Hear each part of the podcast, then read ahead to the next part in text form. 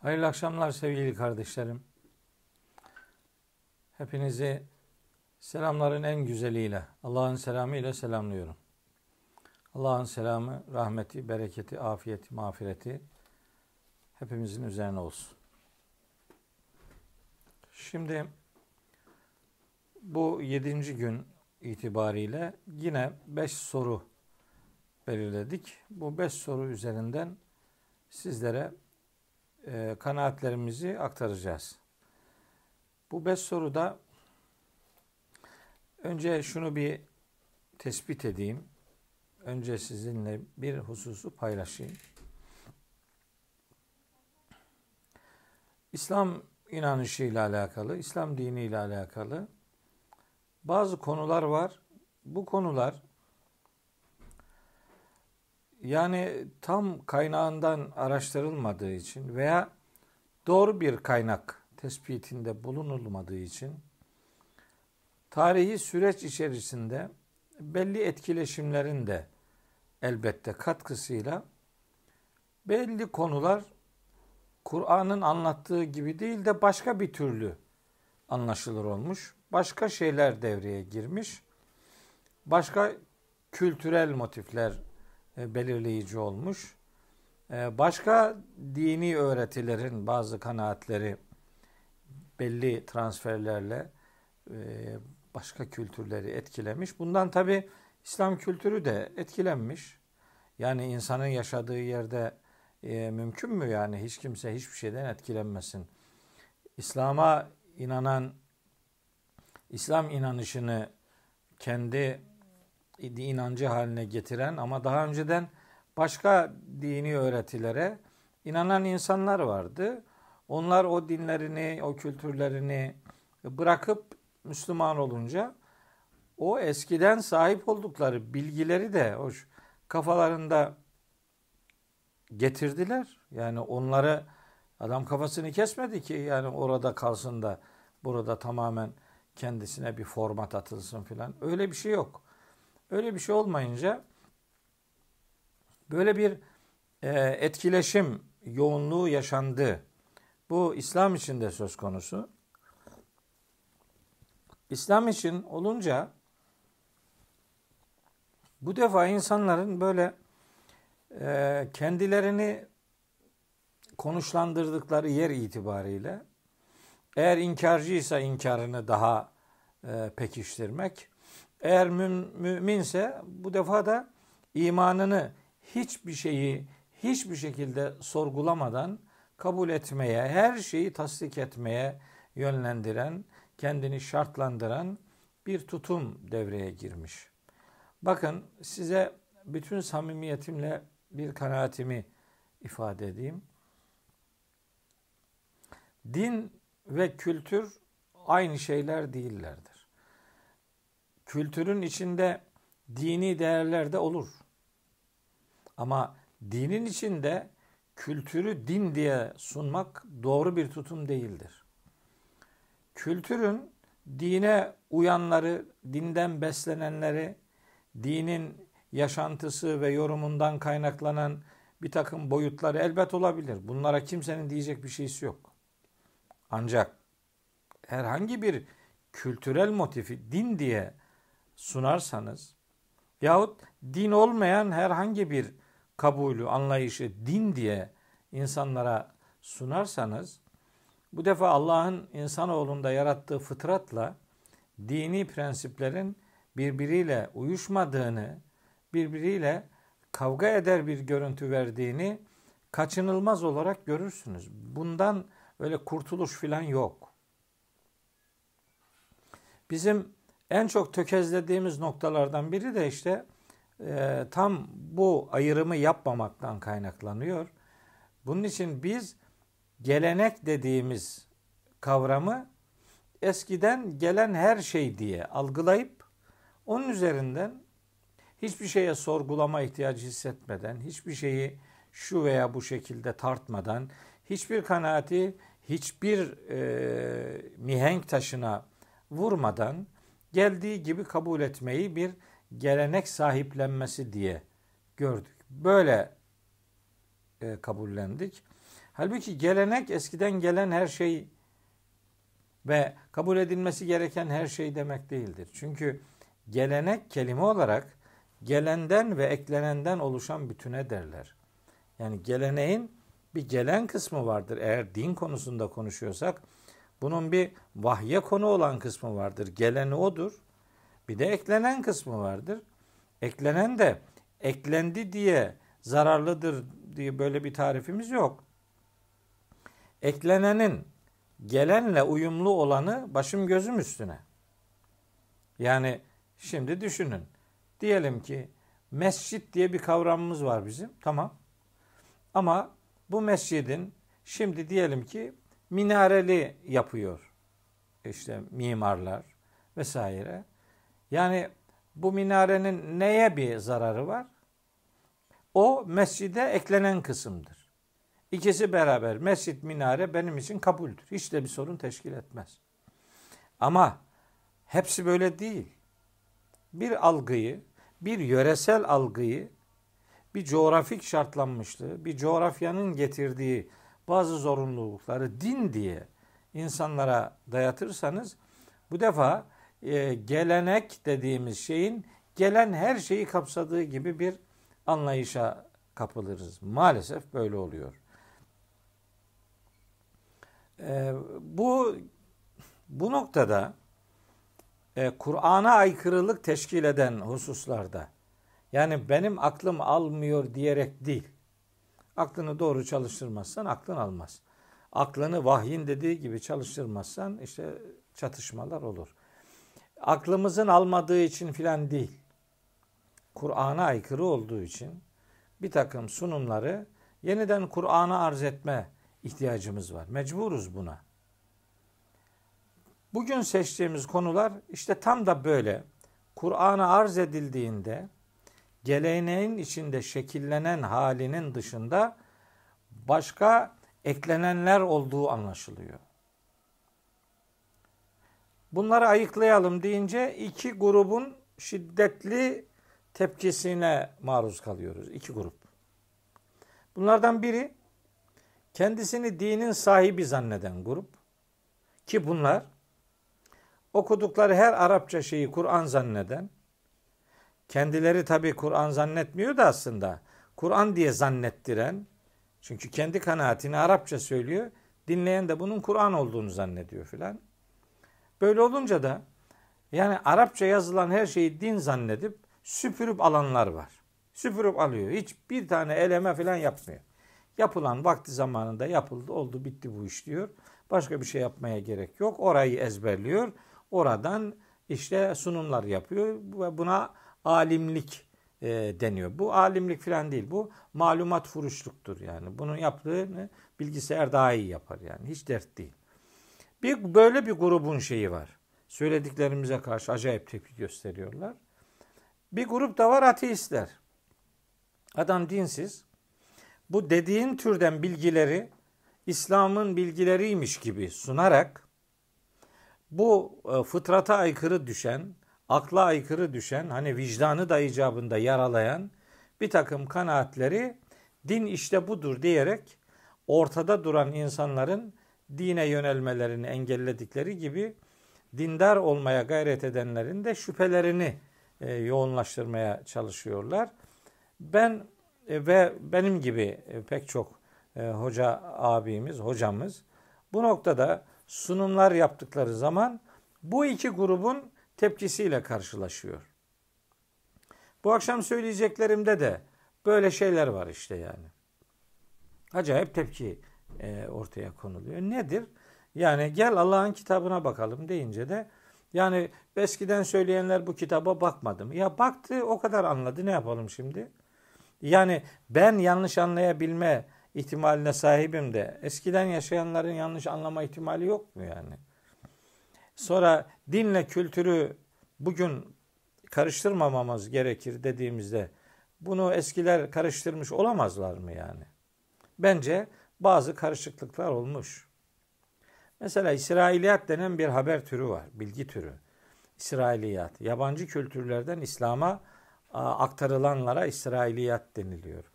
bu İsrailiyata karşı ne yapmak lazım diye üçlü bir yol benimsenmiş. Hatta Hazreti Peygamber'den bu konuda nakledilen iki tane de rivayet kullanılır. Rivayetlerden biri Ebu Hureyre radıyallahu anh'tan geliyor. Ebu Hureyre diyor ki Kâne ehlül kitabı yakraûne tevrate bil ibraniyeti ve yufessirunaha bil arabiyyeti li ehlil İslami. Fekale Resulullah sallallahu aleyhi ve sellem La tükezzibu ehlel kitabi ve la tusaddikuhum veya ve la tusaddiku ehlel kitabi ve la tükezzibuhum ve kulu amennâ billahi ve ma unzile ileyna. Tercümesi şu. Biz de Arapça okuduk. Kur'an filan değil yani. Bu rivayet. Ebu Hüreyre diyor ki kitap ehli vakti zamanında Tevrat'ı İbranice okuyorlardı. Geliyor Müslümanlar onu Arapça tefsir ediyorlardı. Tabi İbranice okunan Tevrat'tan kim ne anlayacak? Onlar işin farkında oldukları için izahlarını, yorumlarını, açıklamalarını Arapça yapıyorlardı Müslümanlara. Bunun üzerine etkileşimlerin meydana geleceği kaçınılmaz olduğu için Resulullah Aleyhisselam buyuruyor ki onları yani ehli kitabı ne tasdik edin ne yalanlayın. Başka bir rivayette Abdullah bin Amr kaynaklı bir rivayette bu defa Peygamberimizin şöyle buyurduğu naklediliyor. Ee, buyurmuş ki Resulullah Aleyhisselam Belligu anni velev ayeten ve la harace ve haddisu an beni İsrail ve la harace kısmı burada var aslında. Yani belligu anni ayeten. Benden bir ayet olsun tebliğ edin. Ayet anlatın. Ve haddisu an beni İsrail ve la harace. İsrailoğullarından da nakillerde bulunabilirsiniz. Bunda bir sorun yok. Fakat ve men kedebe aleyye müteammiden fel yetebevve mek'adehu minen nar. Kim bana kasten bir yalan isnat ederse cehennemdeki oturağına hazırlansın. Bu iki rivayet İslam'a dışarıdan gelen bilgilerle alakalı bir tutum belirlemede belirleyici olmuş. Birinde karışmayın, ne yalanlayın ne tasdik edin. Öbüründe aktarabilirsiniz. Fakat ayetin sonunda bir ayet aktardıktan sonra belli ki aktarılacak İsrailoğullarından aktarılacak şeylerin ayete aykırı olup olmadığı bilinci artık oluşmuş. İslam dört başı mamur bir din olarak insanlara sunulunca artık aktarımda doğru olanlar aktarılır, yanlış olanlar aktarılmaz. Henüz bilgi tam yerleşmeden e, herhangi bir onaylama, tasdik veya yalanlama pozisyonu almayın diyor Peygamberimiz. Şimdi bu iki rivayetten dolayı İslam alimleri demişler ki bu çok önemli. Bu hiç yani konuyla ne alakası var demeyin. Bu çok belirleyici noktadır burası. Burayı anlamazsak gerisini anlayamayacağız zaten. İslam alimleri demişler ki İsrailiyatla alakalı yani başta Yahudi ve Hristiyanlar olmak üzere diğer kültürlerden İslam'a gelen bilgiler noktasında tutumumuz üç türlü olmalıdır. Bir, o kaynaklı gelmişse dışarıdan, kaynağı biliniyor, Kur'an'a da uygunsa bu alınır. Yalan olduğu belli. Zaten Kur'an'a aykırı olduğu da açıksa bu reddedilir. Kaynağı noktasında tereddüt bulunup Kur'an'a uygun olup olmaması noktasında da bir netlik yoksa bunlara karşı da dikkatli davranılır, mesafeli durulur. Şimdi bakın ben bu meseleyi sadece İsrailiyatla alakalı uygulamıyorum. İsteyen gitsin tefsir usulü kitaplarında bunu görsün. Hep var. Ben bunu hayatımda uyguladım. Ne dedim? Bir kabul, bir iddia, bir rivayet. Eğer Kur'an'a aykırıysa bu kabul edilemez. Eğer bu rivayet hadis diye naklediliyorsa da bu hadis peygamberimizin olamaz. Çünkü peygamberimiz Kur'an'a aykırı konuşmaz. Olmaz. Bir yanlışlık yaparsa zaten vahiy onu düzeltmiştir. Dolayısıyla şimdi meseleye buradan bakacağız. Buradan hareketle şimdi bu akşamın sorularını cevaplamak istiyorum. Bir, Kur'an'a göre evlilik yaşı kaç? Kur'an-ı Kerim evlilik diye bir çağdan söz eder. Tabi yaş olarak söylemez. Yani çünkü e, yani vücuttan vücuda değişir bu yaş gelişmişlik ama Kur'an'a göre evlilik çağı bülü çağı değildir. Bülü çağı ile alakalı işte hülüm kelimesi kullanılır. İşte bülü kelimesi kullanılır. Er, erişkin, erginlik, ergenlik çağı anlamında bu kelimelerden hariç Allahu Teala Nisa suresinin 6. ayetinde buyuruyor ki Vebtelül yetama hatta izâ belagun nikaha. Siz yetimleri nikah çağına ulaşıncaya kadar deneyin. Fînâ nestüm minhum rüşten fedfe'u ileyhim emvâlehum. O nikah çağına geldiklerinde eğer onlardan bir erişkinlik ve yetişkinlik görürseniz mallarını onlara verin.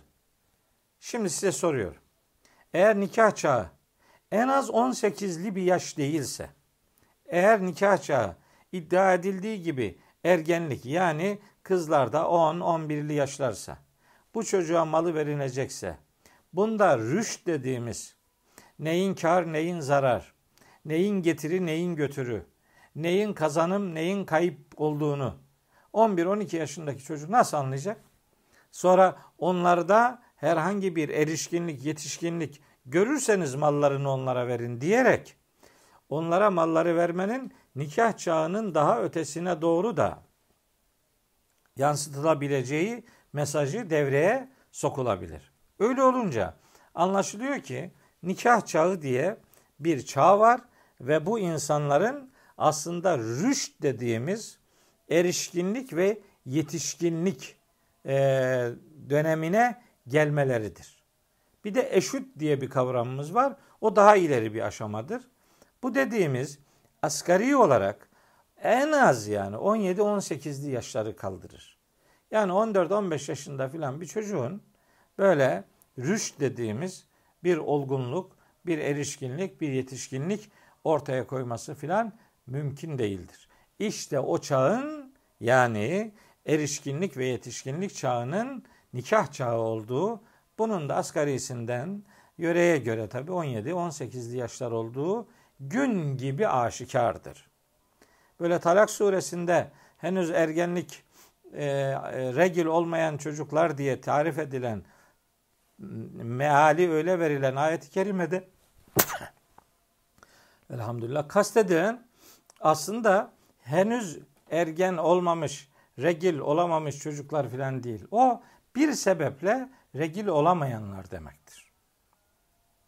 Dolayısıyla İslam'ı böyle bir e, yani evlilikte yaş sınırı belirlemeyen dolayısıyla hatta ergen olmadan bile işte nikahlanabilir ama işte e, ev, fiili evlilik belli zaman sonra olabilir gibi türden şeyler kültürel birikimlerdir. Bunlar Kur'an'dan referans almazlar. Nisa suresinin 6. ayeti gayet açık. Nikah çağı diye bir çağ var ve o çağ aynı zamanda bir insanın rüştünün yani erişkinlik ve yetişkinlik çağının olduğu dönemi ifade eder. Nikah çağı diye bir çağ var ve evliliklerde bu çağa, bu nikah çağına itibar etmek mecburidir. Öyle küçük yaşlarda çocuklarla evlenmenin dini bir e, kamuflajı filan olamaz. Böyle bir iddia ortaya atılamaz. Bugün e, konuşacağım ikinci konu mut'a nikahı. Bu da önemli bir konu. İstismar edilen bir konu. Efendim e, Nisa suresinin 24. ayetinde geçen bir ifade var. Oradan hareketle mut'a nikahının olabileceğine dair kanaatler geliştirilmiş. İşte bunu uygulayanlar filan olduğu yöre itibariyle belli akımları itibariyle e, olduğu iddia ediliyor filan. Kim ne uygulamış olursa uygulasın. Biz Kitabullah'ın dediğine bakarız. Bakın Nisa suresi 24. ayet konu bağlamı itibariyle 22. ayetten itibaren başlayan bir ana konuyu işliyor. 22. ayette başlayan konu kimlerle evlenilemeyeceği konusudur. Yani nikah konusudur. 22. ayette bir noktaya temas ediliyor. 23. ayette adeta bir liste veriliyor. 24. ayette de o listenin son konu başlığı olan işte evli olan e, kadınlarla onların evliliği devam ettiği sürece başkası asla ve asla evlenemez diyor. O konu devam ederken yani o konunun e, işlendiği ayette bir cümle onlarla onlardan işte yararlandığınız yani onlarla beraber olduğunuz sürece onlara bir e, fariza olarak bir görev olarak onların e, ücretlerini verin. Şimdi bu ücreti geçici nikahın delili gibi sunuyorlar. Halbuki burada kastedilen şey konu evlilik olduğu için geçici nikahla ilgili bir konu değil ki burada öyle bir konu yok. Buradaki konu evlilikle alakalı. Bir e, evlilikte kadına verilecek mehirden söz ediliyor. Yani bu mehrin işte hemen evlilik esnasında belirlenen ve evlilik süresince ödenen e, iki boyutu vardır. O iki boyutun dikkate alındığı, dikkate sunulduğu bir e, bağlamda geçiyor. İşte bunun yok bilmem Şia adam muta nikahı var, işte ehli sünnette de misyar nikahı var filan bilmem ne. Adamın burada bir evi varsa bir hanım olabilir, başka bir yerde bir tane daha varsa bir ev daha orada da olabilir, başka bir yerde bir tane daha var. Olur mu öyle şey ya? Yani ne demek yani? Adamın her gittiği yerde yani bu anlamda işte Alman ihtiyacı karşılanmış olsun gibi bir bakış kelimenin adını değiştirmeyle mahiyeti değişmiyor yani. Bu da geçici nikah gibi normal nikahtan algıladığımız şeyin her ikisinde de olmadığı gün gibi aşikardır. Üçüncü konu bugün itibariyle kadının şahitliği konusu tabii çok e, çok istismar edilen konulardan biri bu. Yani kadının şahitliği iki kadına bir erkeğin denk oluşu gibi e, ifade ediliyor. Tabi bu milletin yani İslam'a saldırmak isteyenlerin tabi çok hoşuna gidiyor böyle bir sunum. Bu Kur'an-ı Kerim'de nasıl ele alınıyor? Onu söyleyeyim şimdi bakalım o denildiği gibi mi yani? Bakalım öyle mi? Şimdi bir, bu ikiye bir şahitlik konusu kesinlikle ve kesinlikle bir defa alışveriş hukukuyla alakalı. Bu, bu kesin.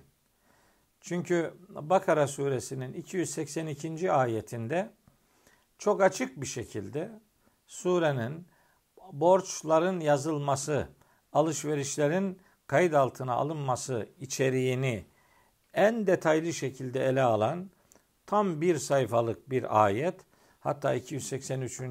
hatta 284. ayet de e, Bakara suresinin bununla alakalı borçlarla ilgili borçlar hukukuyla e, ilişkilendirilmiş bir ayette geçiyor bu ikiye bir şahitlik. Peki nasıl geçiyor? Nasıl geçtiğine bakalım şimdi. İlla yazılsın, illa şahitler bulunsun, şahitler şahitliğini gizlemesinler.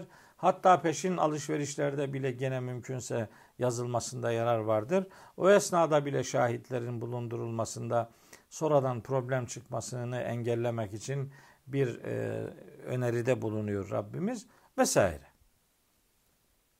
Şimdi diyor ki vesteşhidu şehideyni mir ricalikum.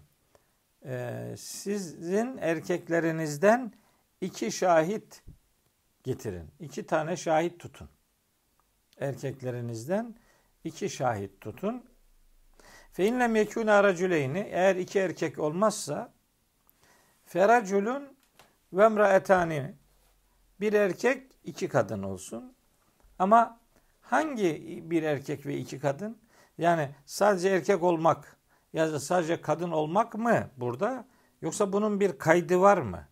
Kayıt var. Diyor ki mimmen terdavne mine şühedai. Şahitliklerinizden şahitliklerinden razı olacağınız iki kadın bir erkek. Yani herhangi bir erkek veya herhangi iki kadın değil. Bir defa bir işi bilmiyorsa biri istese bir tane olsun istese bin tane olsun fark etmiyor ki bilmiyor çünkü. Bilmiyor olayın e, hassasiyetine vakıf değil işleyişine vakıf değilse orada sadece bir cinsiyetten olmak bir artı değer olarak sunulamaz. Alışveriş hukuku vahyin indirildiği dönemde çok büyük oranda erkeklerin e, yürüttüğü bir hukuktu. Çok çok yani yüzde 95 belki de yüzde 98 oranında böyle yürüyordu.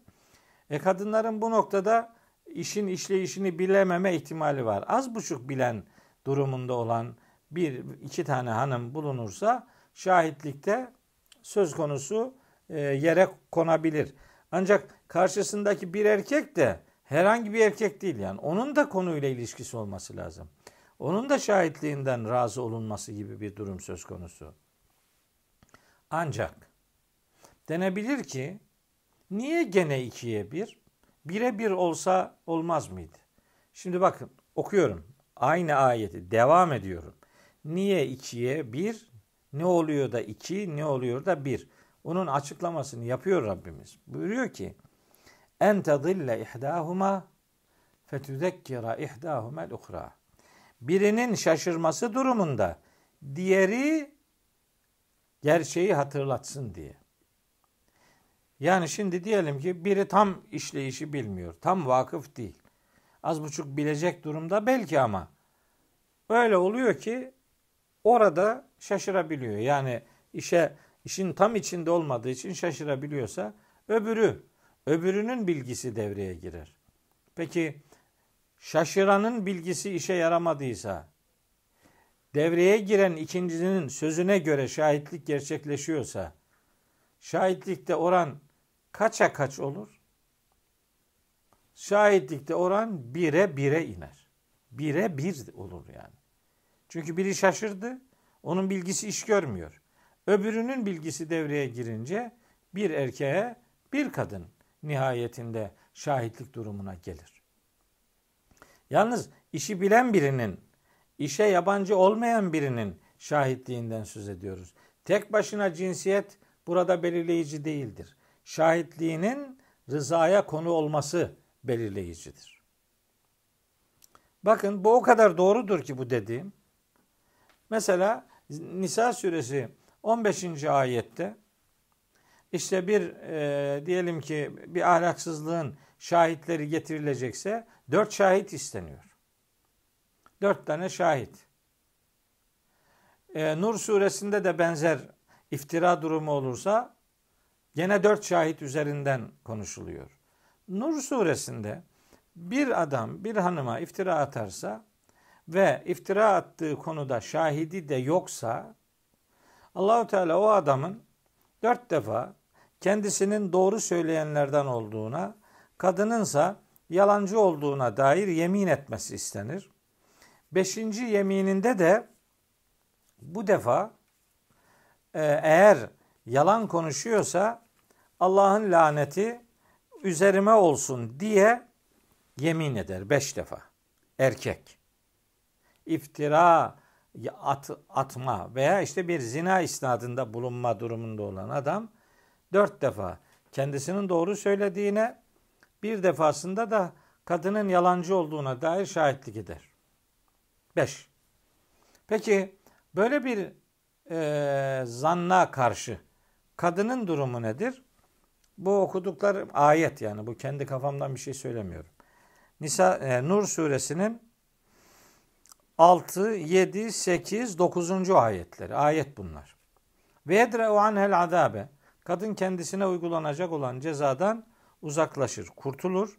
Nasıl? En teşhede erba'a şehadatin billahi. Dört defa Allah'a şahitlik eder. Der ki innehu leminel kazibin. Adam yalan konuşuyor. Vel hamisete beşinci yemini de yapar. Enne gadaballahi aleyha inkâne mine sadikin. Eğer adam doğru söylüyorsa Allah'ın gazabı benim üzerime olsun diye yemin eder. Beşinci yeminde. Şimdi eğer yarı yarıya idiyse bu iş ne beklenirdi? Erkeğin beş defa yemin ettiği yerde kadının on defa yemin etmesi gerekirdi. Hayır işte öyle değil. Nasıl ki erkek beş defa yemin ediyorsa ceza uygulanmaması için de kadından istenen yemin beş. Üstelik bu beşe beş yemin e, ortamı e, yaşanınca yeminlerin sonucu itibariyle konu kadının yemini üzerinden cezanın uygulanmaması şeklinde kararlaştırılır ve öbür adamın da bir daha da şahitliği kabul edilmez.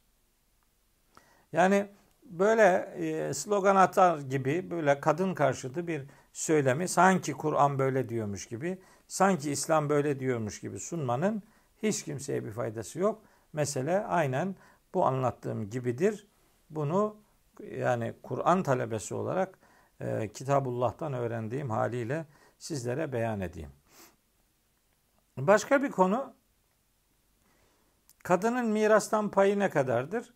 Bakın Kur'an-ı Kerim böyle atmosfere gelmiş bir kitap değil.